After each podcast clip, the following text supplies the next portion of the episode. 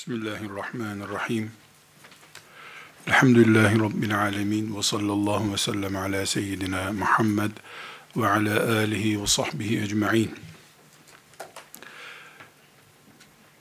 Resulullah sallallahu aleyhi ve sellemi tanımak için hadisi şerifleri bilmek gerekiyor dedik. Hadisi şerif de karşımıza bir sahabe nesli çıkarıyor. Sahabeyi tanımadan hadis bilmek mümkün değil.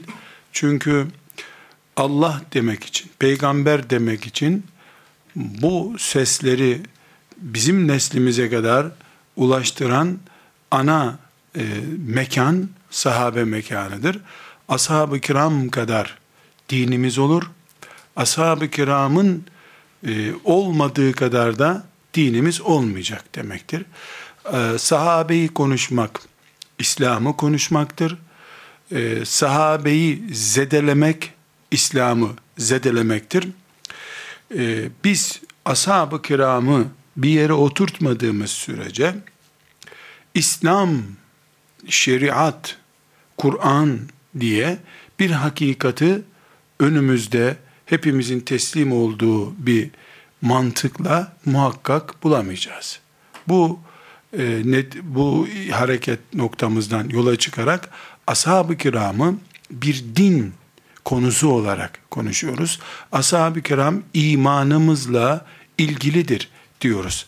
Bu hususta biraz sonra inşallah ümmetin büyüklerinden örnekler vereceğiz. Ee, Gazali rahmetullahi aleyhin e, çok değerli toplu e, bir sözünü nakledeceğim inşallah. E, ama e, ashab-ı kiram konusunu defaten vurguluyoruz. Sahabe herhangi bir tarih kesitini yansıtmıyor. İslam'ın merkezini yansıtıyor. Ama Selahaddin Eyyubi, Sultan Fatih, İslam'ın tarihinde çok önemli bir noktayı yansıtıyor. Kaldırırsan Selahaddin'i ya da Fatih Muhammed'i kaldırırsan tarihin o bölümünü, coğrafyanın o bölümünü kaldırırsın. Mesela Sultan Fatih'i zedelediğin zaman kalkan şey İslam toprağının İstanbul'u olur. İşte 8. asrın filan limiti tarihten kalkar. Ama İstanbul kalkar Mekke Medine devam ediyor. İskenderun devam ediyor. Hatay devam ediyor olur. Bağdat devam ediyor olur. Evet coğrafya etkilenir, tarih bundan etkilenir ama İslam etkilenmez bundan. Ashab-ı kiram böyle bir şey değil. Kaldırdığın zaman İslam kalkar. Zedelediğin zaman İslam zedelenir. Yani bir derenin en başında e, çamurlandığı bir ortamda derenin 500 metre sonrası da 1000 metre sonrası da çamurdur. Çünkü su kirli, çamurlu, bulanık gelmektedir. Ashab-ı kiramın bu mantıkla bakıyoruz. Bir müminin ashab-ı kiram konusunda iki suçu işlemesi çok tehlikeli. İmanla ilgili bir tehlikedir. Birinci suç ashab-ı kiramı peygamber düzeyine çıkarmaktır.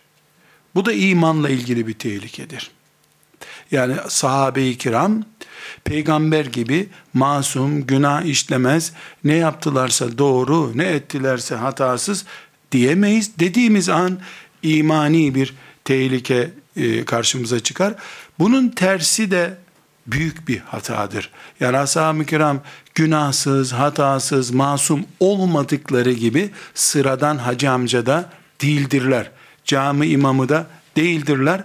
Ashab-ı kiramı bulundukları yani Resulullah sallallahu aleyhi ve sellemin emanetçileri olarak bulundukları konumdan peygamber konumuna çıkarmak, uçurmak, melekleştirmek de mümkün değil, kabul edemeyiz bunu. Oradan alıp da Bağdat'ta bir fırıncı konumuna getirdiğimiz zamanda Medine'de hurma pazarlayıcı bir tüccar konumuna getirdiğimizde de aynı hatayı işleyebiliriz. İki zıt kutubun ortasında ehli sünnetin itikadı biraz sonra inşallah ayrıntılarına gireceğimiz şekilde ehli sünnetin itikadı bu ümmetin ortak değeridir. İnşallah bunu muhafaza edeceğiz. Biz kardeşler ashab-ı kiramla ilgili şöyle inanıyoruz.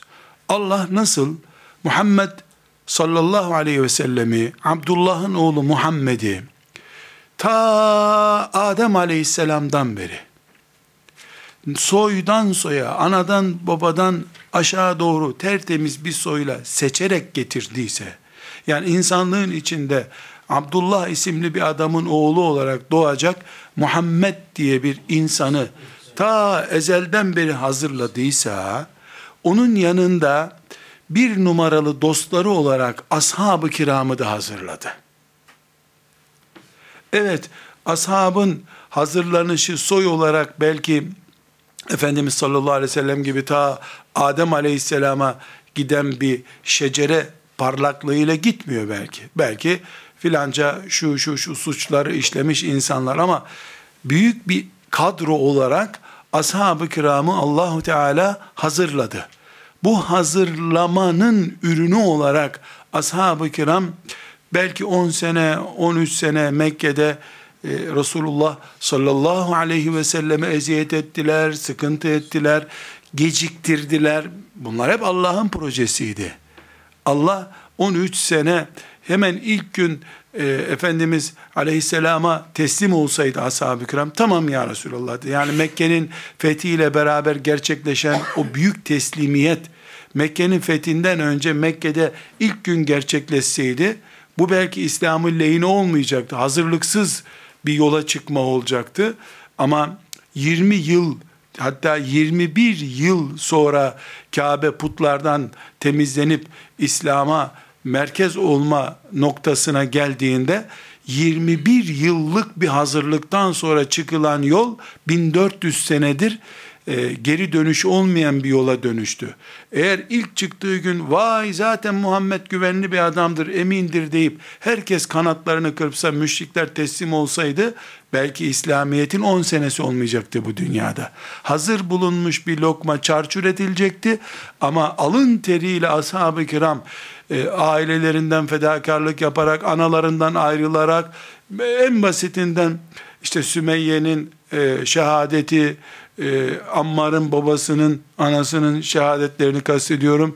Hicretler, Resulullah sallallahu aleyhi ve sellemin kızının bile, kızlarının bile hicret etmesi, Habeşistan olayı, Yesrib olayı, bütün bu emekler gözden geçirildiğinde, Uhud olayları, e, Hendek olayları, e, bunlar hepsi gözden geçirildiğinde ağır faturalar ödenerek İslam veda hutbesiyle Resulullah aleyhissalatü vesselamın veda edip gideceği kıvama geldiğinde kolay kolay filancalar irtidat etti, filancalar zekat vermiyor diye dağılacak bir din olma durumuna getirilemedi.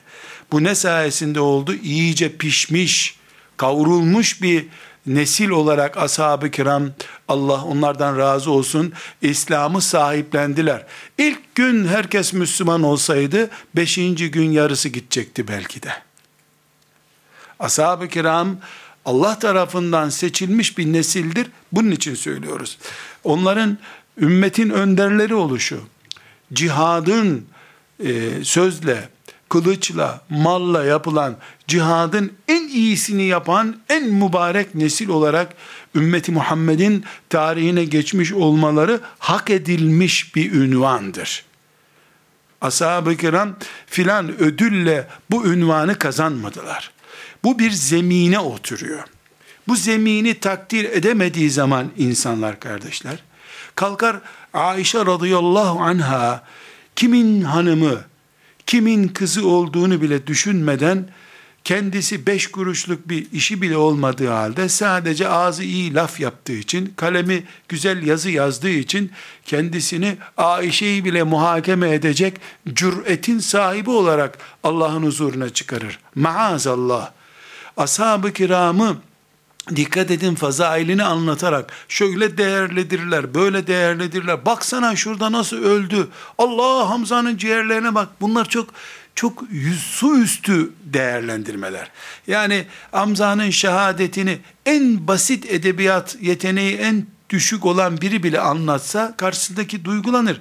Yani kafir bile olsa duygulanır. Vay ya yazık etmişler Hamza'ya der yani. Bu bir film sahnesi olsa da insan bundan ağlar.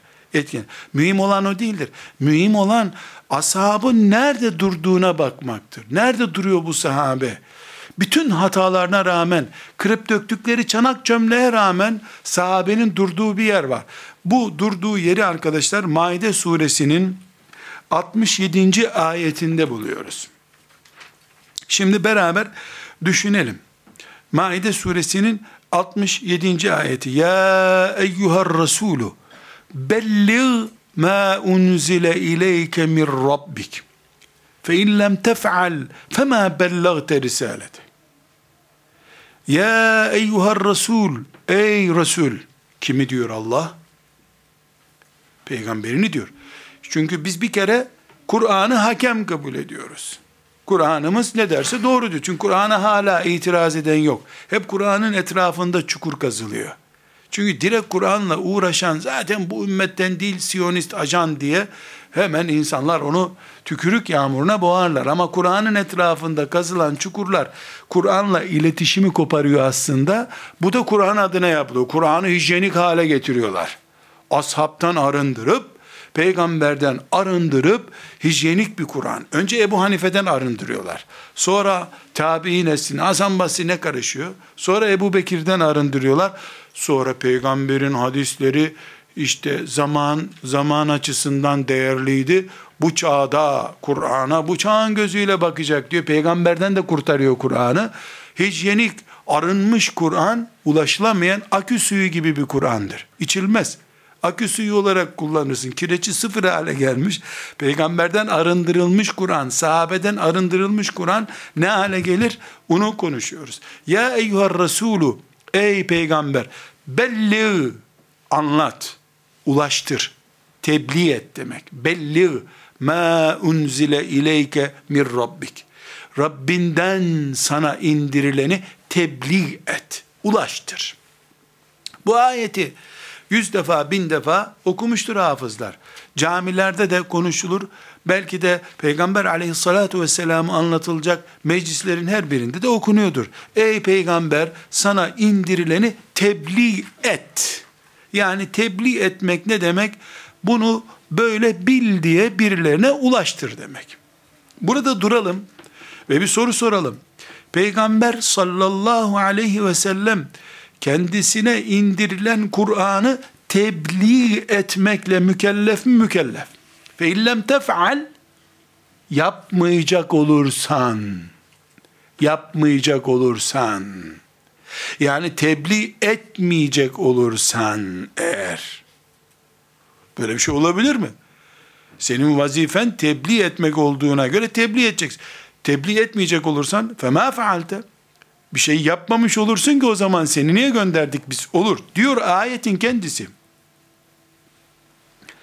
Fe in tef'al yani yapmadığın bir pozisyon takdir edemeyiz. Eğer zaten Resulullah sallallahu aleyhi ve sellem Efendimiz çok önemli bu arkadaşlar. Bakın Uhud şehitlerinin ismini sayarak olmuyor bu iş. Öyle ashab-ı kiramdan Bedir'de katılanların 313 tanesinin ismini okuyarak şifa bulmak yok. Şifa bu mantıktadır. Kuru kuru isim zikri değil, bu mantığı yakalamak lazım. Resulullah sallallahu aleyhi ve sellem tebliğ etmekle, yani alın Allah size bunu söyledi demekle mükellef. Bunu yaptı mı yapmadı mı? Aynı surede El yevme ekmeltu lekum dinekum ve etmemtu aleykum ni'meti ve raditu lekumul İslam'e dina. Bugün tamam nimetim size gelmiştir, İslam size ulaşmıştır, benim emrim size gelmiştir Allah dedi. Bunu neye göre dedi? Demek ki Resulullah sallallahu aleyhi ve sellem bellir ma unzile ileyke min rabbik. Rabbinden sana indirileni tebliğ et ey peygamber sözünü yerine getirdi demek ki. Resulullah sallallahu aleyhi ve sellem Efendimiz'e Allah'ın emrini Allah yerine getirdi diye peygamberine şahitlik etmiştir. El yevme ekmeltu lekum dinekum. Eğer Allahu Teala'nın ya eyyuhar Resulü belliğ ma unzile ileyke min rabbik ayetindeki tebliğ et emri yerine getirilmemiş olsaydı dinim tamam oldu demezdi Allah Teala. Nimetim tamam oldu diyor. Neden peygamber? Tebliğ etti çünkü. Zaten bütün insanlık da buna şahit. Sevgili peygamber aleyhisselam efendimiz de veda hutbesinde bunu protokole dönüştürdü mü dönüştürmedi mi? Size beni soracaklar. Bu adam size getirdi mi dini diyecekler. Ela hel bellagt. Ela hel bellagt. Ela hel bellagt tebliğ ettim mi? Tebliğ ettim mi? Tebliğ ettim mi diye üç defa sordu. 120 bin sahabiye. Naam bellagt. Naam bellagt. Evet tebliğ ettin. Tebliğ ettin deyince Allahümme şhed. Allahümme şhed diye ellerini kaldırdı. Ya eyyuhar Resulü belliğ ma unzile ileyke min rabbik sana Rabbinden geleni tebliğ et emrinin protokolünü veda hutbesinde yaptı sallallahu aleyhi ve sellem. Buna Kur'an şahit, tarih şahit. Kaldı ki ayetlerde zaten bunu söylüyor. Burada şimdi tam kilit noktasına geldik. Peki Resulullah sallallahu aleyhi ve sellem tebliğ et emrini gerçekleştirdi. Tebliğ etti. Kime? Boşluğa mı? Cebrail'den aldığını diğer meleklere mi tebliğ etti? Nerede bu tebliğ edilenler? Kim bunlar? Meçhul isimlere mi emanet etti gitti?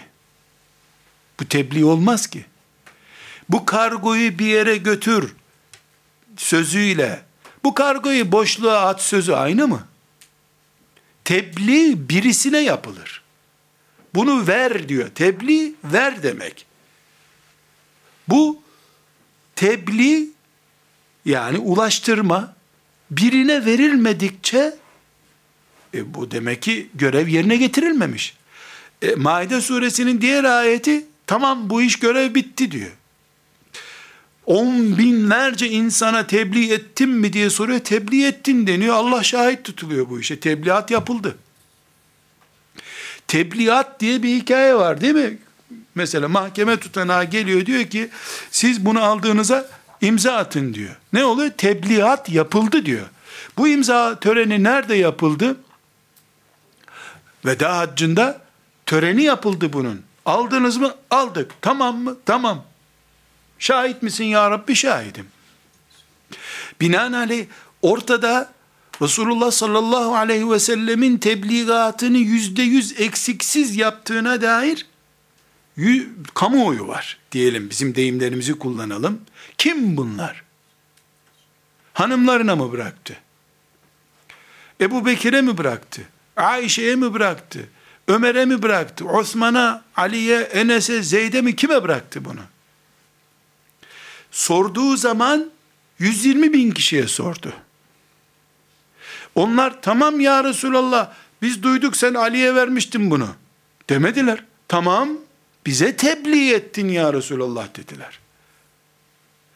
Dolayısıyla Resulullah sallallahu aleyhi ve sellem sahabiye yani sağlığında onu görüp iman eden 120 bin kişi olduğunu tahmin ettiğimiz nesle emanet etti bunu.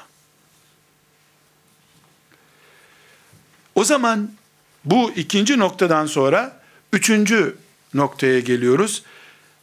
Tebliğ et. Yoksa görevini yapmamış olursun sözünü Mekke sokaklarında bulduğu birilerine mi emanet edip gitti? Yoksa Allah buna ver demişti diye güvendiği insanlara mı emanet etti? Sadece çok basit bir mantıkla bile düşündüğümüzde herhalde yavrum bu paketi götür amcalara verirsin diye bir çocuğa bırakıp gitmedi. Böyle yapacak olsa tebliğat zarfını imzalı bir zarfı sokaktan birilerine Yesrib sokaklarından birine bırakıp gidecek hali yoktu. Çünkü Allah kime verileceğini ona öğretmişti zaten. Kime verilecek bu? Öyle verilecek olsa amcasına bırakıp giderdi. Amcasına bırakmadı. Ona iman eden ve Allah'ın bu tebliği göğüslerinde muhafaza edebileceğine inandığı kimselere, Allah'ın imanlarını kabul ettiği kimselere bırakabilirdi. Aksi takdirde tebliğ vazifesini yapmadan gitmiş olurdu sallallahu aleyhi ve sellem. Tekrar toparlayalım. Maide suresinin 67. ayeti ne diyor? Ya eyyüher Resulü belli ma unzile ileyke min rabbik. Ey peygamber sana indirileni nedir indirilen? Kur'an. Kur'an'ı tebliğ et. Etti mi etmedi mi? Son inen ayetlerden biri olan El yevme ekmeltu lekum dinekum ayetinden anlıyoruz ki tebliğ etti. Çünkü Allah tamam tebliğat yapılmıştır. Tesellüm belgeleri var. Nerede tesellüm belgeleri? Cebrail'in tutanaklarında. Sonra da bu insan düzeyinde, göklerde, arşta, levh-i mahfuzdaki tutanaklar veda hutbesinde insan düzeyine de indirgendi. Size Allah'tan aldığımı tebliğ ettim mi soracaklar size beni dedi. Çünkü o da endişe ediyor, görevli, tebliğat görevlisi, şahidiz, ettin ya Resulallah deyince o da Allah'ı şahit tuttu. Buraya kadar zaten biliyoruz. Ama burada çok kritik bir soru soruyoruz. Bu paketi kime bıraktı gitti? Şahıslara mı bıraktı? Ümmetinin ilk nesli olan ashab-ı kirama mı bıraktı? Bir ayrıntı görseydik mesela deseydi ki benden sonra bu emanetten 15 kişi sorumludur. Onlar birinci sınıf işte serfrikalı onlar kurs mezunu olduğu için onlara emanet edip gidiyorum. Böyle bir şey görmüyoruz. Önünde 120 bin kişi olduğu tahmin ediliyor. 100 binden az değil, 130 binden fazla değil. Yaklaşık hac yapan sahabi sayısı çocuklarıyla, e, kadınlarıyla, erkekleriyle beraber 100 binle 130 bin arasıdır. 100 bin olsun, 10 bin olsun. Hepsine beni sorduklarında ne diyeceksiniz diye hepsine hitap etti. Hepsine hitap ettiğine göre Demek ki Resulullah sallallahu aleyhi ve sellem Kur'an'ın ve nübüvvet görevlerinin emanet edileceği nesil olarak görmüştür onları. Buradan sadece buradan çıksak biraz sonraki okuyacağımız belgelerin hiçbirine gerek olmadan sadece buradan yola çıksak sahabenin bütününün masumluk seviyesi olmadan Kur'an emanetini taşımaya liyakatlı müminler oldukları anlaşılmış oluyor. Çünkü bir seçim yapmadan gitti. Evet 10 kişiyi cennetle müjdeledi. Filanca sahabeye şu özellikler var dedi. Ama kendisine tebliğ için emanet edilmiş olan Kur'an-ı Kerim'i bir ayrım yapmadan hepsine emanet edip gitti. Bugün Müslümanlardan bir grubu çıkıp Müslüman olduğunu iddia ettiği halde biraz sonra Ebu Zura'dan nakil yapacağız ki onu Müslüman kabul etmiyor o. Ee, çıkıp işte filancayı kabul ederiz, filancayı yetmeyiz. Filancanın kaşları kalın, filancanın burnu uzun, filancanın adı iyi değil, filanca şundan değil, filanca bundan değil diye ashab-ı kiramın arasında peygamberin adına üstelik, peygamber böyle isterdi muhakkak diye peygamberden daha peygamberci gibi bir mantıkla peygamber aleyhisselamın adını kullanarak e, ashab-ı kiramın içerisinde cahilce, zındıkça bir ayrım yaparsa buna ne akıl dayanır ne mantık dayanır. Böyle bir şey olmaz. Böyle bir akıl olmaz. Kendisi 120 bin kişiye bıraktı gitti. Size hariç ha demedi ki. Özellikle size bırakıyorum da demedi. Özellikle bırakıyorum da demedi. Ama ashabın yerini tarttığımızda biz o Bedir'deki işte çok kahramanlar, Uhud'daki kahramanlar onlar çok duygusal ve çok lokal şeyler. Küçük bir nokta bile değil bunun yanında. Ashabın bütünü Allah'ın kitabının emanet edilmeye uygun bulunduğu insanlardır. Böyle iman ediyoruz biz. Buna iman ediyoruz. İçinde içki içmiş, alkol kullanmışları bulunmasına rağmen, zina irtikab etmiş hatalıların bulunmasına rağmen, ashab-ı kiramı bu konumda görüyoruz. Böyle görmeye de Kur'an zorluyor bizi. Buradan bir noktaya daha işaret edeceğiz. Bu ya eyyuhar resulü bellig ma unzile ileyke min rabbik ayetini oraya koyduk bu anlaşıldı. Bir noktayı daha Buhari ve Müslim ve İbn Maci'den izleyelim. Çok meşhur bildiğimiz hadisi şerif hani Efendimiz sallallahu aleyhi ve sellem Mina'da, Müzdelife'de yaptığı konuşmalarda bugün hangi günlerdeyiz? Hangi günlerdir bugün? Hangi aydayız? Hangi şehirdeyiz? diye hani meşhur başlayan sorusu var. E, biliyorduk ama ya bu Mekke'yi niye soruyor bize diye merak etmiş sahabi. Haram aylarda değil miyiz? Kurban Bayramı'nın ilk günü değil mi? Burası Mekke değil mi diye başlayan konuşmasında e, işte birbirinize kanlarınız haramdır, mallarınız haramdır, onurunuz birbirinize haramdır diyen sözünü bitirirken bu sözü bittiğinde ne buyuruyor sallallahu aleyhi ve sellem? Ela liyubellighi şahidul gaibe.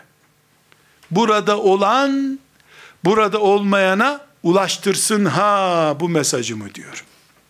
Burada olan burada olmayana ulaştırsın. Burada olan sözünü o gün hacceden bütün sahabiler dinliyorlardı. Abdese filan gitmediyse o arada. Gittiyse de üç kişi abdese gitti. Yahut da çocuğunu emzirmek için hacceden sahabilerden biri filan taşın arkasına çekilmişti. Ama yüz küsür bin sahabi burada olan sözünün muhatabıdır orada. Bu akıl var, mantığımız var. Ela li yubellighi şahidul gaibe. Burada olan, burada olmayana bu sözümü taşısın, tebliğ etsin. Burada olan sözünü dinleyen herkes orada olan kimliğiyle Peygamber aleyhisselamın o mesajını tebliğ etmekle görevlendirilmiştir. Halbuki, halbuki orada hac edenlerin belki 20 bin 30 bin tanesi o an Müslüman olmuşlardı. O ay Müslüman olmuşlardı. O hafta Müslüman olmuşlardı. O sene Müslüman olmuşlar. Değil alim olmak 20 tane sure bile ezber bilmeyen vardı işlerinde. Gelirken ya bu nedir? Muhammed'in adamlarıdır hacca gidiyor denmişti çölde. E biz de gidelim Müslüman olalım diye o gün gelmiş daha namaz kılmayı bilmeyenler vardı. Bu eski alimleri kastediyorum ha. Ebu Hureyre, Enes sen yavrum 10 senedir benimle berabersin sen tebliğ et bunları demiyor. Burada bulunan herkes, burada bulunan herkes, bulunmayan herkese ulaştırsın buyuruyor. Dolayısıyla veda haccının standartları arasında o gün Resulullah'a iman etmiş olarak aleyhissalatü vesselam orada bulunan herkes Muhammed'in temsilcisidir aleyhissalatü vesselam. Bu hadis bunun belgesi. Çünkü oradaki herkesi kendi temsilcisi olarak tayin etmiş bulundu liyubellighi şahidul gaibe. Herkes. Alimleriniz demiyor. Önünde Ömerler, Aliler vardı. Siz beni çok iyi dinledi. 23 senedir berabersiniz benimle demiyor. Ne diye başladı konuşmasına? Zannederim bir dahaki sene sizinle burada olmayacağım dedi. Gidiyorum ben. Ölümüm yaklaştı bunu söyleyip ağlattı ya bu Bekir'i. Ondan sonra da burada olan herkes olmayana benim emrimi, mesajımı ulaştırsın dedi. Ashab-ı kiram ilahiyat fakültesi bitirmeseler de, medrese mezunu olmasalar da, hafız olmasalar da, büyük müştehit olmasalar da, filan e, topraklardan gelmiş Kureyş lehçesini, Arapçayı bilmeyen biri de olsa, Resulullah'ın temsilcisi durumundadır. Aleyhissalatü vesselam. İşledikleri günahlara rağmen, bulundukları konumu Allah göze alarak, onları özellikle Peygamber aleyhissalatü vesselamın temsilcisi durumuna getirmiştir. Bu hadisi şerifi Bukhari'de 105. hadisi şerif, Müslim'de 1679. hadis-i şerif, İbn Mace'de de 234. hadisi şerif olarak okuyabiliriz. Ama tabi hadisi şerif sadece veda haccındaki konuşmasını ve o Ela liyubellighi şahidul gaibe cümlesini ihtiva ediyor ve yukarıda bahsettiğim bu hangi aydır, neredeyiz biz konuşmalarını e, arz ediyor. Yoksa e, bu mantığı hadis-i şerifte bulamayabilirsiniz. Yani bunu ben özellikle burada bir delil göstermek için söylüyorum. Netice olarak kardeşler, ashab-ı kiram Hendek'te nasıl kazma vurdular da kazmayla taşlar yarıldı. İşte filanca sahabinin elinde filanca kerametler göründü. Bunlar çok uç konular. Bunlara dayanacaksa bizim sahabe imanımız lazım değil. Eğer sadece kahramanlık gösteren elinde kerametler çıkan sahabiye biz güveneceksek kalmadı sahabide. 5-10 sahabiyle o zaman yaşayacağız demektir. Sahabi blok olarak, paket olarak ele almak gerekiyor.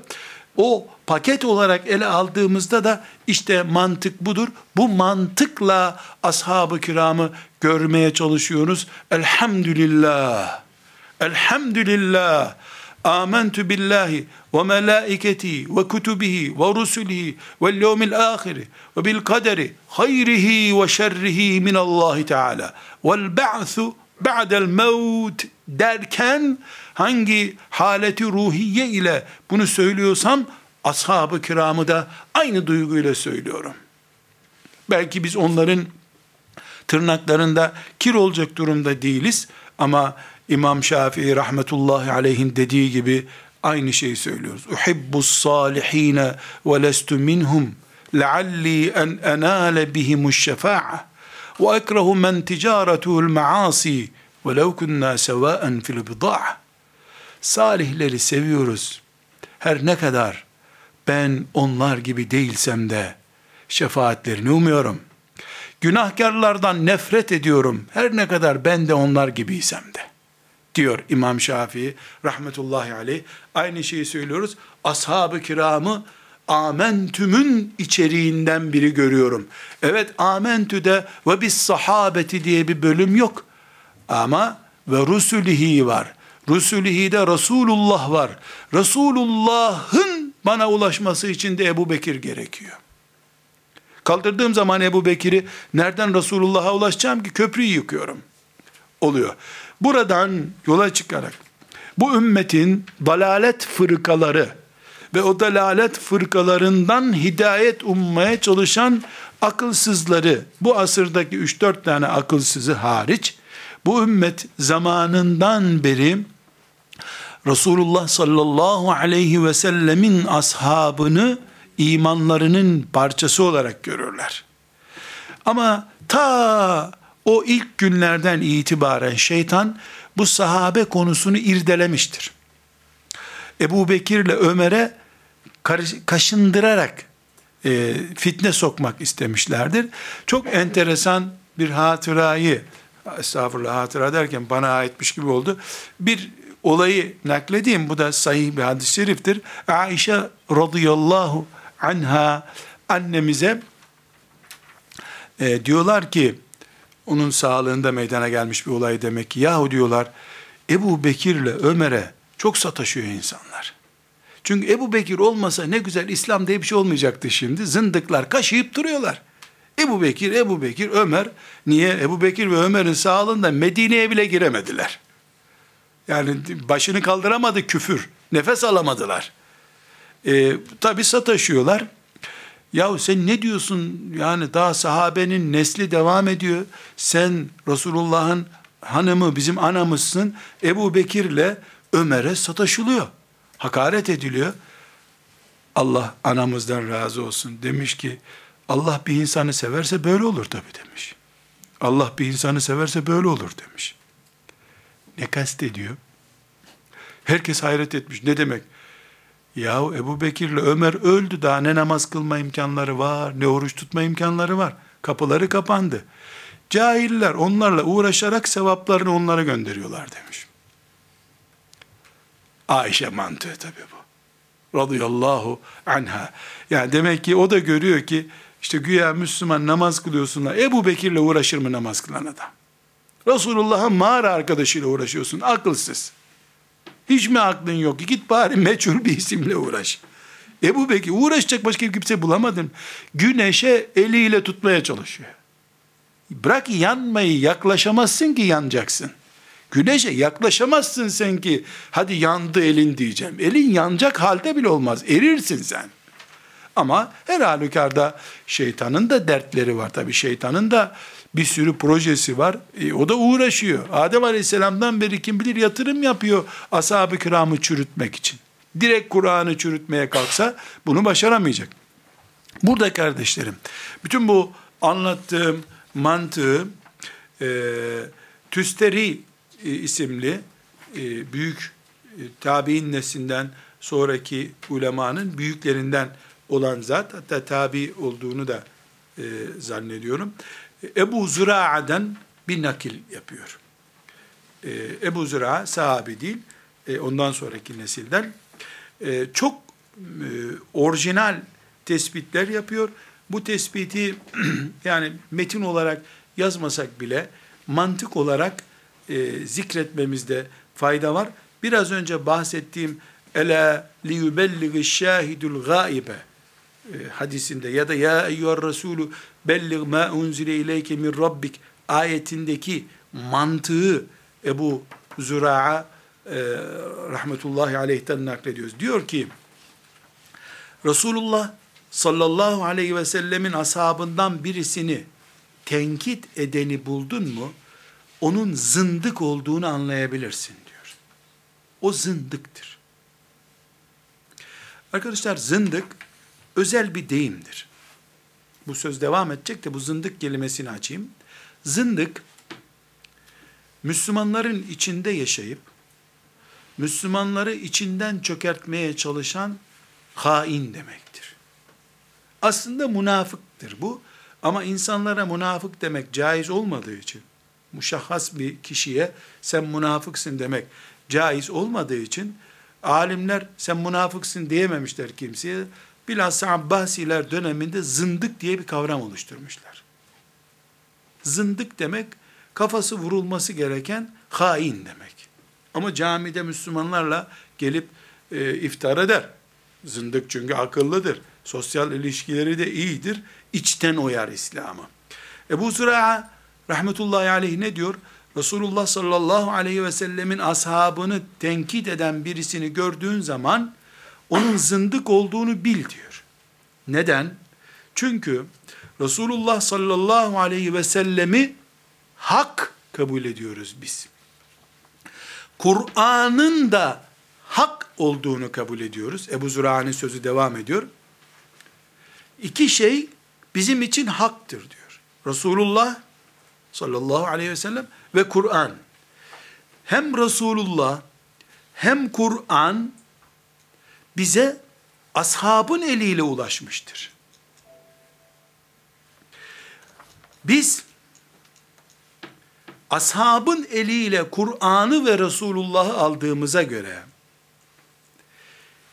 ashabı tenkit eden bizim ulaştığımız iki hakka gittiğimiz köprüyü yıkmak istiyor.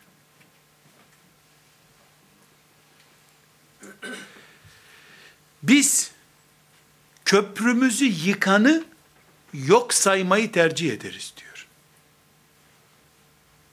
Onun için de zındık diyor buna.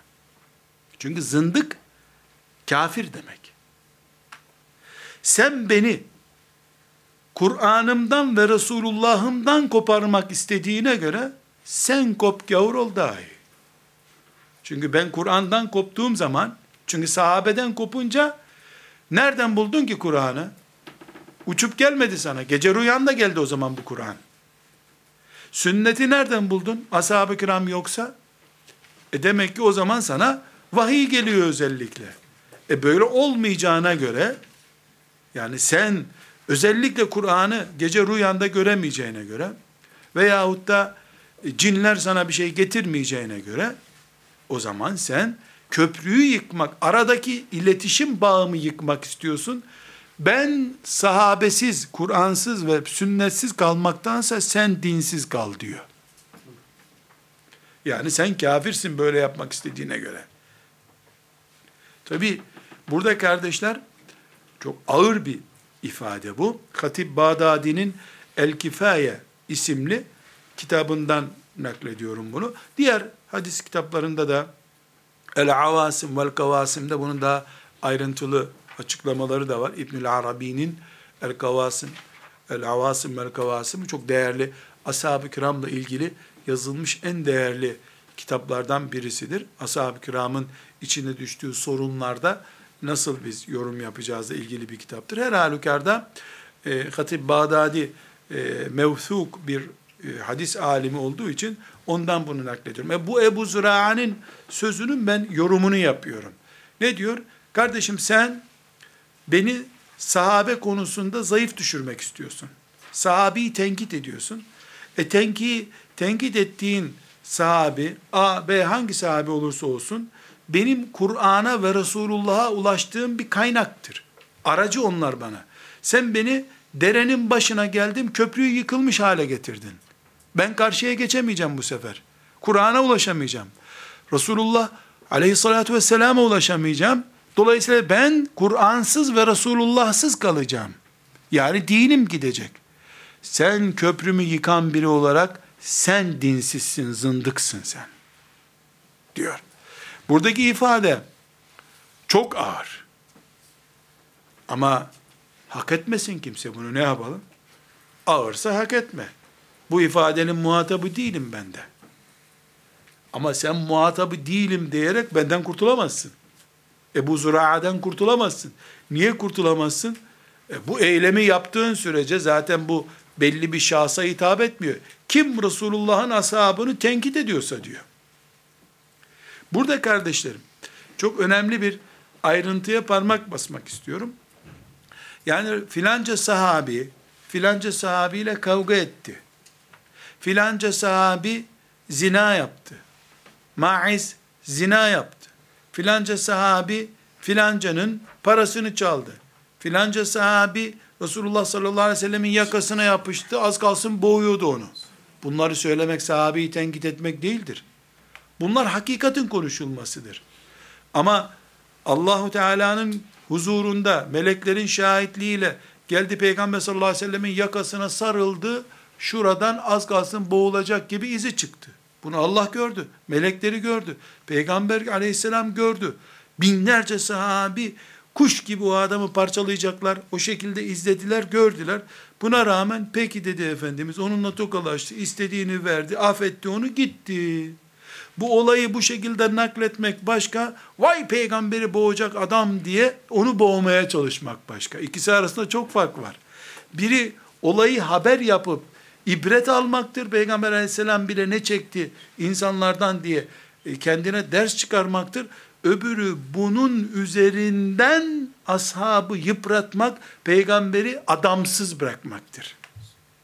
Peygamber aleyhisselam bu olaydan etkilenip yaralanan birisi, o bunu gündem yapmıyor. Sen niye gündem yapıyorsun ki? O amcasının katilini huzuruna aldı, sahabemsin, cennette beraberiz dedi ona. Sen niye affetmiyorsun? Kim oluyorsun ki affetmiyorsun sen? Hanımlarından biri Peygamber aleyhisselamı üzdü.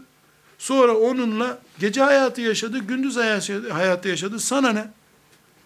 Yani ashab-ı kiramı tenkit etmekle ashab-ı kiramın artı ve eksilerini konuşmak aynı şey değil. Artı ve eksilerini konuşmak Kur'an'ın yaptığı iş zaten. Kad semi'allahu kavlelleti tujadiluke fi zevciha ve teşteki ilallah vallahu yesma'u tahavvurakuma. E Peygamber aleyhisselam'a tartışıyor. Kadın gelmiş, nasıl Allah'ın hükmü olmaz böyle diyor, tartışıyor. Ya yok bir ayet inmedi bu konuda diyor. Nasıl inmez benim kocam beni şöyle etti böyle etti diyor. E o koca gündem ayet gündemi sure adı bu. Tartışma suresi bak mücadele suresi. Tartışma suresi. Tartışmış. Kocasını şikayet ediyor. O koca gündem. Kadın orada Peygamber aleyhisselamın huzurunda bağırıp çağırıyor. O gündem bütün bunları yok sayıp yok olmadı böyle bir şey. E, süt liman her taraf dersen E bu yanlış bir şey. Ama vay peygamberin huzurunda tartışıp ayet inmesine sebep olanlar, onlar dağdan düşsün, cehennemde yansın dersen o zaman sen e, olayı haber yapmak, ibret konusu yapmak değil, olaydan daha büyük olay çıkarmak isteyen zındıklık yapmış olursun. Buna zındıklık denir işte. Çünkü hiç kimse zaten ashab-ı kiramın masum olduğuna, gökten melek gibi düştüklerine inanmıyor ki. Tam aksine zil zurna cahiliye hayatından geldiler. Katil insanlar vardı işlerinde. Şarapçı insanlar vardı. Zinacı insanlar vardı.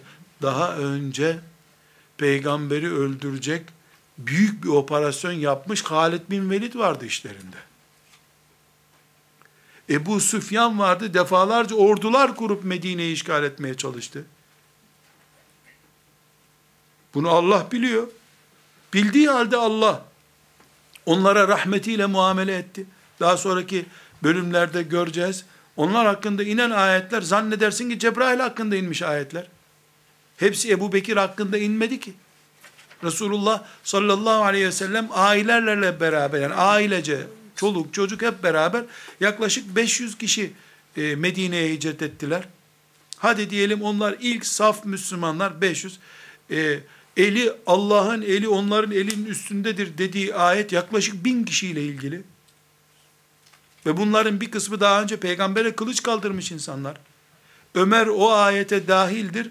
Ömer peygamberi öldürmek için yola çıkmıştı. Allah'ın koyduğu son noktayla senin durduğun nokta farklı olamaz ki. Allah'ın koyduğu noktada bembeyaz, senin durduğun noktadan kara görünüyor. Ashab-ı kiramla ilgili çok mini bir nuans bile tehlikelidir. Belli sahabelerin belli hataları var. Bu hataları Allah biliyor. Allah'ın huzurunda yapıldı bunlar zaten. Kur'an-ı Kerim'de onlarla ilgili ayetler, muhacirler, ensarla ilgili, onlara tabi olanlarla ilgili ayetler, bunları e, inşallah göreceğiz. Bunlarla ilgili hükümler sıradan konular değil ki. Yani tarihi bir belge değil ki bunlar. Kur'an ayeti. Kur'an belgesidir. Binaenaleyh ashab-ı kiramı biz imanımızla ilgili görüyoruz.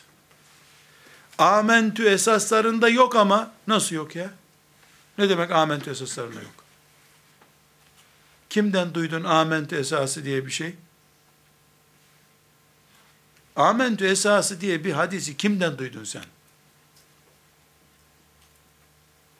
Kaç şeye inanman gerektiğini söyleyen kim? Filan sahabi. Bir insan olabilir mi? Benim anam babam yok, ben böyle yaratıldım. Adem Aleyhisselam'dan başka kim bunu söyleyebilir? Kaynağını ispat edemeyen varlık iddia edemez ki. Geldiğin yöntemi ispat etmen lazım ki senin varlığın söz konusu olsun. Yoktan var olmak, Adem Aleyhisselam için o da çamurdan üstelik. Gene bir aslı var.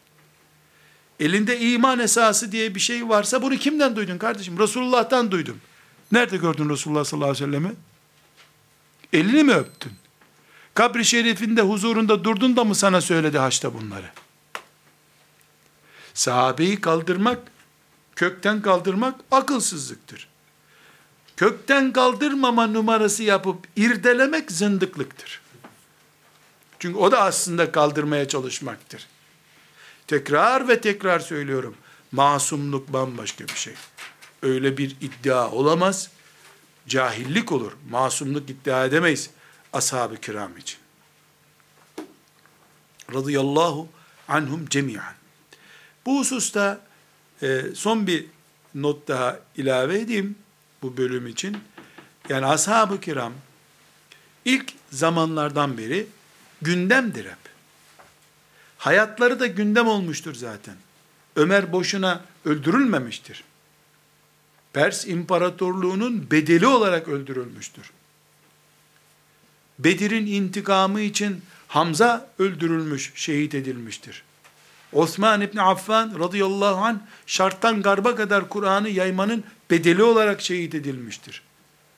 Ali radıyallahu anh ümmetin dirlik umudu, birlik umudu olduğu için öldürülmüştür. Hüseyin radıyallahu anh'ın feda edilişi bunun içindir.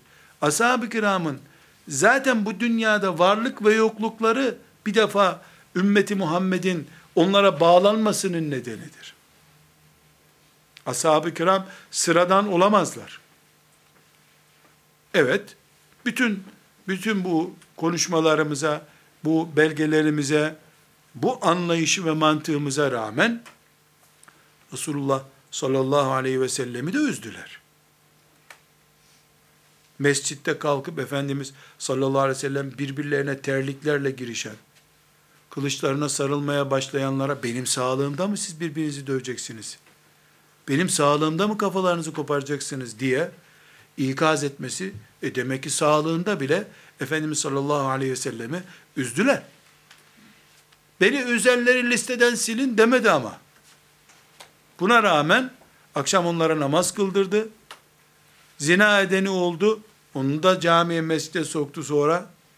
İçki içenini affetti. Çünkü sahabe masum değildi. Melek değildi. insandı. İnsan olarak yaşadılar. İnsanlığı zirvede yakaladıkları için de zaten Allah onlardan razı oldu, memnun oldu. Burada e, İmam Gazali rahmetullahi aleyhten bir nakil yapacağım. Bu derste e, tanıtımını yapayım, ikinci derse aktaralım. İmam Gazali'nin El-İktisadu fil İ'tikad isimli bir kitabı var. Çok küçük hacimli bir kitaptır. Felsefeden arınmış, temel itikat konularını nasıl anlamak gerektiğine dair bir kitaptır. Ama Gazali'nin bu kitabı e, itikadın siyasi boyutuna da e, işaret eder. El-iktisadu bildiğimiz iktisat kelimesi. Fil i'tikad. İtikatta dengeli tavır demek. Kitabın adı orijinal çok. Bu kitabın sahabe ile ilgili bir bölümü var. Kitabın kendisi çok küçük. Böyle bir formalık, iki formalık bir kitaptır. Ee, ama e, çok mübarek. Yani Gazali'nin küçük kitapları büyük kitaplarından daha hoştur. Mesela Eyyuhel Veledi vardır. Küçük bir, bir formalık kitaptır. Ee, İhya-i Ulumuddin'i okumaya çalışana kadar sen onu okuyan alim olur. Yani Eyyuhel Veledi okusan alim olursun. Güya çocuk için yazmış. Allah benim yaşımda ağır geliyor bana. Nasıl o zamanın çocukları 40 yaşında mı doğuyordu? Nasıl oluyorduysa e, bir sadece o kitap talebelerinden biri rica etmiş. Çok ağır oluyor dersler demiş. Benim için özet bir şey yaz demiş. O da çocuğa özet bir şey yazmış vermiş. 900 e, sene önce ümmetin kültürü ne durumdaydı? Şimdiki kültür ne durumda oradan ölçebiliriz. Sadece orayı alsan yeterli. Halimiz bu. Ee, ama inşallah iyiye doğru gideriz. El iktisat fil i'tikatta çok orijinal başlıklar var. Bilhassa siyasetle ilgili bakışları Gazali'nin çok güzel. Hep Gazali'yi böyle elinde tesbih e, oturup tesbih çekiyor zannediyoruz. Ee, sadece bu kitaptaki 2-3 cümlesi var siyasetle ilgili. Siyasete Müslümanın liderliğe, siyasete nasıl bakması gerektiğiyle ilgili o cümleleri bile alınsa bir dev e, ilim adamı karşımıza çıkıyor. Rahmetullahi aleyh. Fezada bir derya var. Yani Gazali alim kelimesi, allame kelimesini e, bir türlü tatmin olarak kullanamıyorum onunla ilgili. Yani o alimse e, filancaya ne diyeceğimi bulamıyorum bu sefer. Kalıplar uymuyor. Yani bir feza adamı e, Allah da rahmet etmiş, feyiz ve bereket vermiş, 55 yaşında vefat ediyor. 55 senede 5 asırlık iş yapmış. Ee, imamı olan İmam Şafii de o yaşlarda vefat ediyor. Her halükarda e, bu kitapta e, el e, iktisadu fil i'tikad isimli kitabında sahabeye objektif olarak nasıl bakılması gerektiğini, aşırı uçlara kaçılmaması gerektiğini ve sahabenin e, üzerinde tenkit yapılması, ileri geri konuşulmasının akıbetinin ne olabileceğini çok hoş bir şekilde özetliyor. Bir dahaki derste inşallah Gazalimizin bu e, El-İktisadu fil İtikad isimli kitabından alıntı yaparak başlarız inşallah. Ve sallallahu ve selleme ala seyyidina Muhammed ve ala alihi ve sahbihi ecma'in velhamdülillahi rabbil alemin.